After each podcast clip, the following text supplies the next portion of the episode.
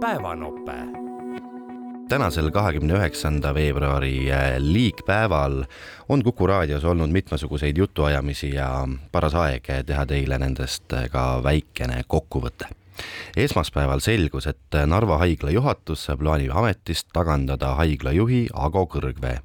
Hommikuraadios kommenteeris teemat endine terviseminister ja endine keskerakondlane Tanel Kiik jah, noh, ma pean tunnistama, et äh, minul puudub usk, et äh, need Narva keskerakondlased äh, teeniksid siin patsientide või tervishoiutöötajate huve. ma kardan ja olen seda ka väljendanud, et selle taga on selline poliitiline ärategemine, võimu näitamine ja selline noh, otse öeldes nõukogude ajast pärit ja kahjuks Narvas siiani elav arusaam, et, et on tähtsad parteipealikud ja kõik ülejäänud peavad kulpi lööma. aga mis te arvate, kes oleks järgmine selline potentsiaalne haiglajuht siis?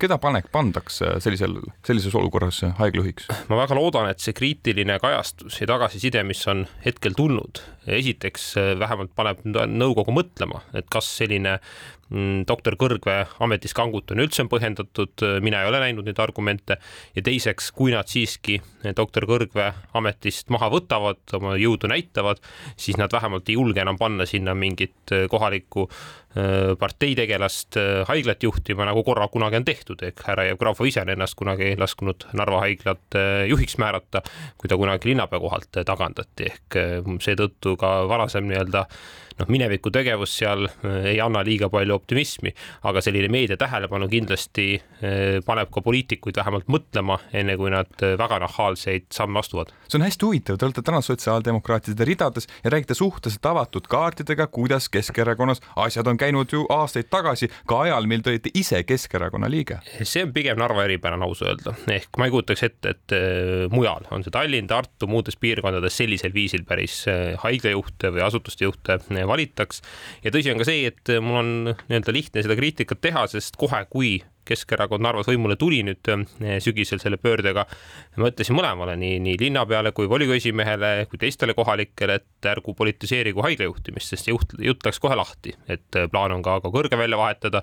seal otse väljendasid mõned inimesed mulle seisukohta, noh, tegemist on ju Katri Raigi inimesega, ma ütlesin, ta on nelikümmend, viiskümmend aastat meditsiinis olnud inimene, läbi ja lõhki meedik, et ta, ta on enne ja pärast siin kui, kui Katri Raik ehk noh, ütleme meditsiinis kui sellises, ma pean silmas, et hakata kuidagi teda politiseerima ja nägema, et kõik, kes on nii-öelda Katri Raigi ajal valitud, on järelikult tema inimesed ja nüüd tuleb justkui puhas fuuk teha, et, et see pole adekvaatne. toona mulle noh, nii-öelda kas lubati, aga anti mõista, et noh, sellist plaani pole ja vaatame rahulikult, aga noh, näha on, et need viimased kuud on tegeldud lihtsalt nende ettekäänete leidmisega igas haigla juhis, igas viimses koordinatsioonis leiab alati miinuseid ja puudusi. doktor Kõrg on tuntud sellise väga jõulise natuuri poolest, aga ma arvan, Narvasse eh, just sellist haiglajuhti on vaja.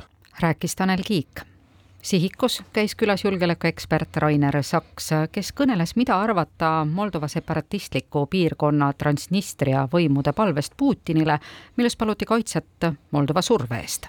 No ta on ikkagi eelkõige nagu mõjutusoperatsioon või psühholoogiline operatsioon, millega nüüd üritatakse survestada siis noh, Moldovat, kelle vastupanuvõime on teadupärast noh, palju väiksem kui Ukrainal ma arvan, et Venemaa ei julge minna selle afääri peale praegu, et ta kuulutaks selle territooriumi oma riigi osaks, sellepärast et ta avab sellega võimaluse Ukrainal rünnata seda territooriumi. Ukrainal on seda erakordselt lihtne teha, seal sisuliselt Vene vägesid ei ole.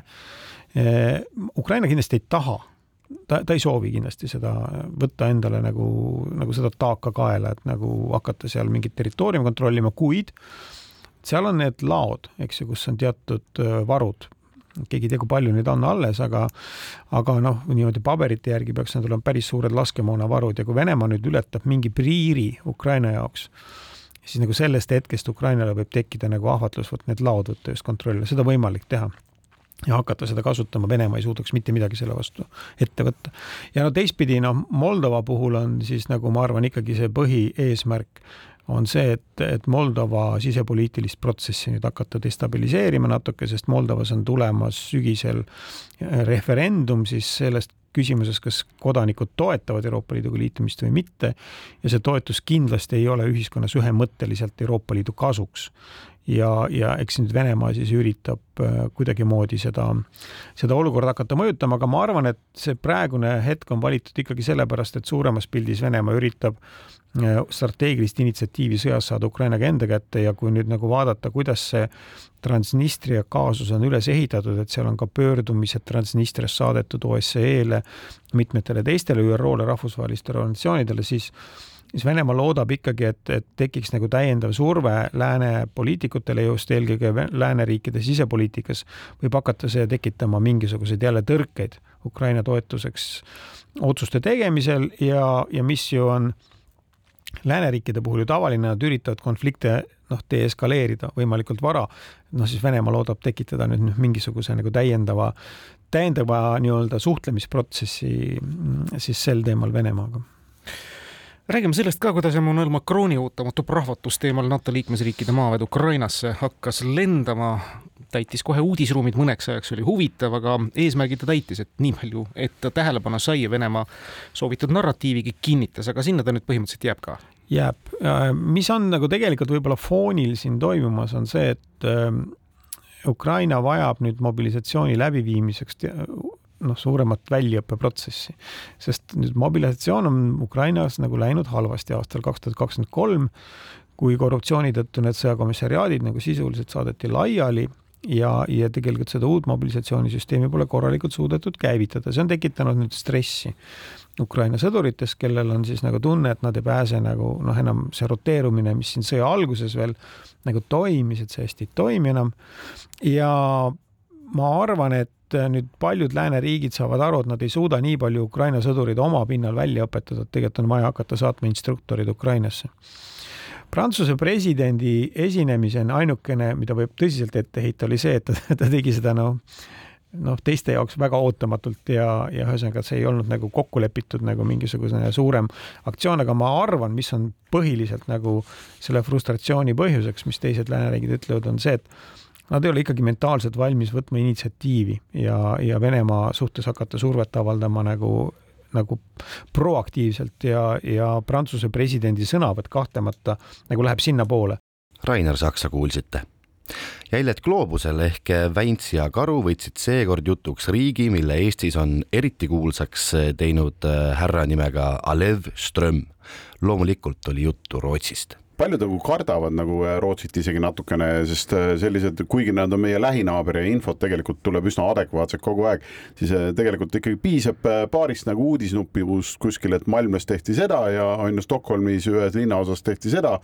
et küll seal tehti piu ja küll seal tehti pau on ju umbes ja, ja ongi osad inimesed nõnda, et oh, ei, mis asja Rootsi lähed lõpeta ära nagu, et see, see elu isu otsas mm. -hmm. ma lihtsalt ise just siin veebruaris käisin korra Rootsis ja, ja ei näinud ühtegi kurja inimest täitsa no, imelik oli. tegelikult ongi minu meelest natukene meelevaldne iga uudise nupu peale tõmmata kohe mingisugune paralleel ja, ja panna see uudisnupu infokild siis külge kogu sellele nii-öelda visioonile, mis sul selle ühe riigi kohta on. noh, tänast eh, olukorda arvestades võiks ju öelda, et ka Poolasse ei tohiks minna, sest traktoristid mässavad seal ja, ja kallavad vilja kraavi, noh, ei ole ka ju üleliia mõistlik mingitest Prantsusmaadest ja muudest asjadest rääkida.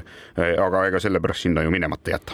jah kas Rootsil ju liiga palju naabreid ei ole, et kus nad on, allpool on, on ju Taani tahaks mina öelda. jah, on suure sillaga temaga ühenduses, et tal mm -hmm. nii-öelda eh, maismaapiir on ju tegelikult ainult Soomega ja, ja, ja läänes Norraga, on ju -hmm. kogu lugu ja, ja tal on niimoodi, et eh, maismaa piiri on kokku üldse kaks tuhat kakssada viis kilomeetrit, eh, Soomega siis viissada kaheksakümmend seitse kilomeetrit ja Norraga tuhat kuussada kaheksateist kilomeetrit. noh, nad kaks niisugust pikka soolikat sealt eh, arktilistelt aladelt siiapoole tulevad ja, ja viisteist protsenti Rootsi aladest paikneb üldse põhja pool polaarjoont, mis on minu jaoks selline mingisugune märgiline joon ainult öö, olnud läbi kogu mu öö, reisielu.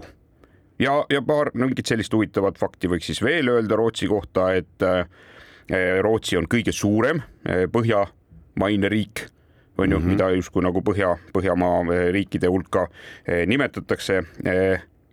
jään, näed, panin puusse ja Põhjamaa kategoorias ikkagi suurim ja, ja Euroopa viies suuruselt riik mm -hmm. ja üldse kogu maailm kokku liita, siis on ta viiekümne viies.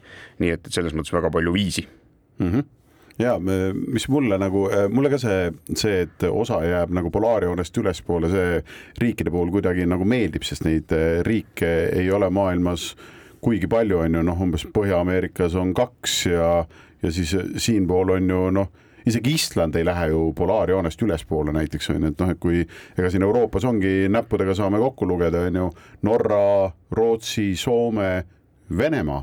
Jah, ja, ja nii ongi. Ah, Kanada no okei okay,, aga kui sa Euroopas oled jah. et noh, kuus riiki on maailmas, mis on ülaltpoolt siis nagu üle, üle polaarjoone, nii et noh, täiesti.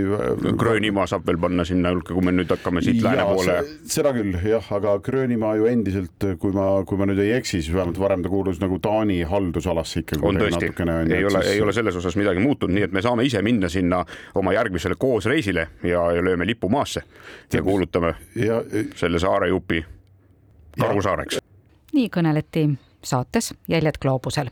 kõiki Kuku raadio saateid võite kuulata Kuku koduleheküljelt või Playeri nimelisest äpist. päevanope